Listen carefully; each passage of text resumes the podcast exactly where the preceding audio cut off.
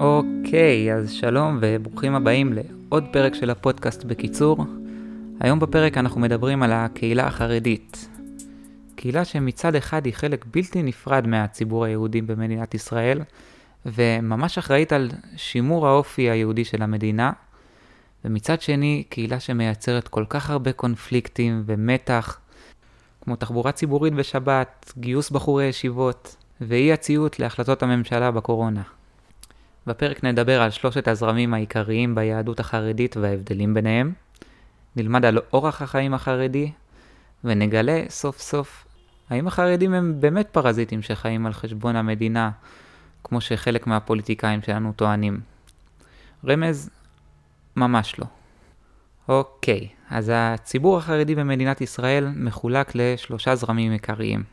הזרם הליטאי, הזרם החסידי והזרם הספרדי. אנחנו נתחיל עם הזרם החסידי.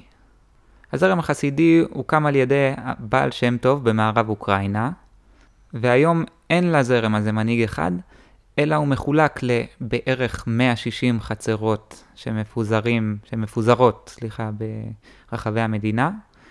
בכל ראש חצר כזאת עומד אדמו"ר, שזה ראשי תיבות של אדוננו, מורנו ורבנו.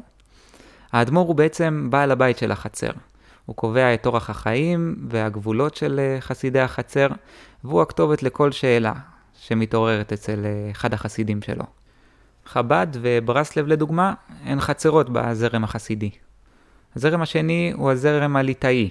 הזרם הוקם על ידי הגאון מווילנה, ובשונה מהזרם החסידי שמחולק לחצרות, הזרם הליטאי הוא זרם אחד אחיד שבראשו עומד מנהיג אחד.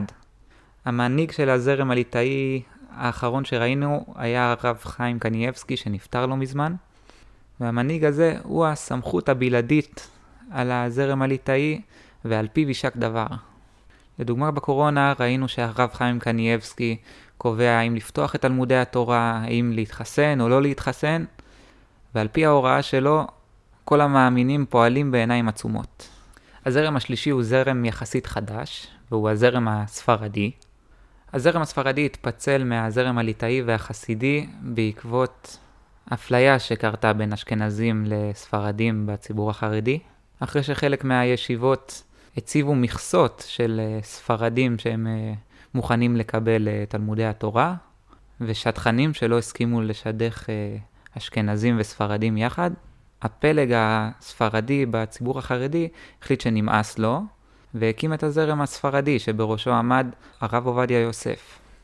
מעבר להבדלים שדיברנו עליהם, כשאני רואה חרדי ברחוב, איך אני אדע לאיזה זרם הוא משתייך? בגלל זה אני אדבר בקצרה על הלבוש של כל אחד מהזרמים, ככה כל פעם שתיתקלו בחרדי ברחוב, תוכלו לדעת לאיזה זרם הוא משתייך. בזרם הליטאי הגברים לובשים בעיקר חליפות ומגבעת, כמו כובע קובוי כזה ומתחתיו כיפה שחורה. הם מסדרים את הזקן שלהם, ובדרך כלל אין להם פאות, ואם יש להם פאות, אז הן קצרות ומאחורי האוזן. אצל אנשים אין קוד לבוש ברור, אבל בדרך כלל הן עם פאה. הזרם החסידי, בגלל שהוא מחולק להרבה חצרות, אז אין קוד לבוש אחד ברור, אבל יש הרבה חלקים משותפים, כמו כובע עגול ופרוותי, מעיל ארוך שמגיע עד הברכיים, וסביבו קשור חוט למותניים, אצל חלק מהחסידויות הגברים מכניסים את המכנסיים לתוך הגרביים. הם לא הולכים עם עניבות ולא מסדרים את הזקן, והפאות שלהם ארוכות ומסולסלות. הספרדים, כמו שאמרתי, הם זרם חדש יחסית, שהתחיל רק מתחילת שנות ה-80, בגלל זה אין להם קוד לבוש מסוים, והם יותר דומים לזרם הליטאי, מבחינת הלבוש.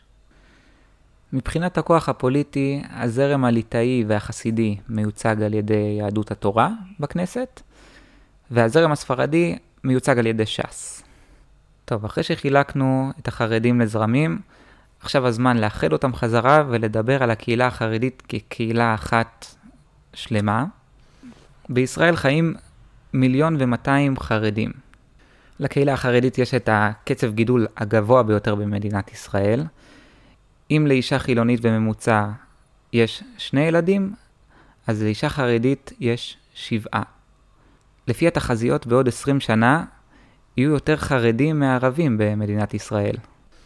במשפחה החרדית האישה היא המפרנסת העיקרית, והגבר תפקידו, כמו שאמרתי, בעיקר ללמוד. בציבור החרדי הכסף הוא לא פקטור בדירוג החברתי, אלא הלימוד. ככל שאתה יותר חכם ולומד יותר, ככה אתה מדורג גבוה יותר בסולם החברתי. משפחות גדולות, בצירוף זה שיש רק מפרנס אחד במשפחה, גורם לעוני גדול מאוד בציבור החרדי. 60% מהילדים החרדים נמצאים מתחת לקו העוני.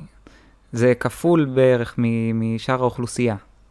העוני הזה של החרדים גורם לתסכול רב דווקא מצד האוכלוסייה החילונית, שטוענת שהחרדים הם אה, פרזיטים, שלא עובדים כי נוח להם עם הקצבאות שביטוח לאומי מספק להם. וזה מוביל אותי אולי לנושא הכי טעון בקונפליקט בין אה, חילונים לחרדים, והוא הקצבאות לתלמידי הישיבה והאברכים. אז אני חקרתי את הנושא הזה לעומק, והנה מה שמצאתי. קודם כל צריך לעשות הפרדה בין תלמידי ישיבות לאברכים. תלמידי ישיבות הם בחורים אה, רווקים שחיים בישיבה ולומדים בה, והישיבה היא זאת שמממנת אותם ונותנת להם את הגב הכלכלי. הכסף של הישיבות מגיע מתרומות, מתשלומי הורים וגם מכסף ציבורי. כל ישיבה מקבלת על כל תלמיד שלה 425 שקל בחודש לישיבה. זה הכל. האברכים לעומת זאת הם אה, תלמידים מבוגרים יותר, שיש לה, שהם נשואים ולרובם כבר יש ילדים. יש 96 אלף אברכים במדינת ישראל שהם מקבלים קצבה מהמדינה ישירות אליהם. כל אברך זכאי לקצבה של 765 שקלים בחודש.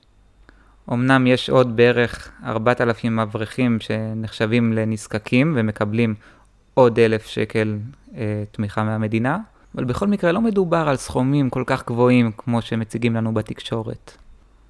אלה הקצבאות שהחרדים זוכים להם מעצם היותם תלמידי ישיבות או אברכים. מעבר לזה, יש uh, קצבאות כמו קצבאות ילדים או הבטחת הכנסה, אבל הקצבאות האלה ניתנות מתוקף היותם נזקקים, ולא בגלל שהם חרדים. לכל אזרח במדינת ישראל יש את הזכות לחיים בכבוד. הזכות הזאת חלה על כל אזרח במדינה, ולא קשורה לאם אתה חילוני או חרדי, והזכות הזאת מקימה חובה על המדינה לדאוג לכל אזרח לחיות בכבוד. אז הקצבאות האלה שמשולמות לחרדים, כמו שאמרתי, הן משולמות להם מתוקף היותם נזקקים, ולא בגלל שהם חרדים או שיש להם אה, כוח פוליטי בכנסת, אלא כי הם עניים וצריך לדאוג להם. טוב, עד כאן עוד פרק של בקיצור, תודה שהאזנתם, מקווה שלמדתם דברים חדשים, ונתראה בפרק הבא, להתראות. thank you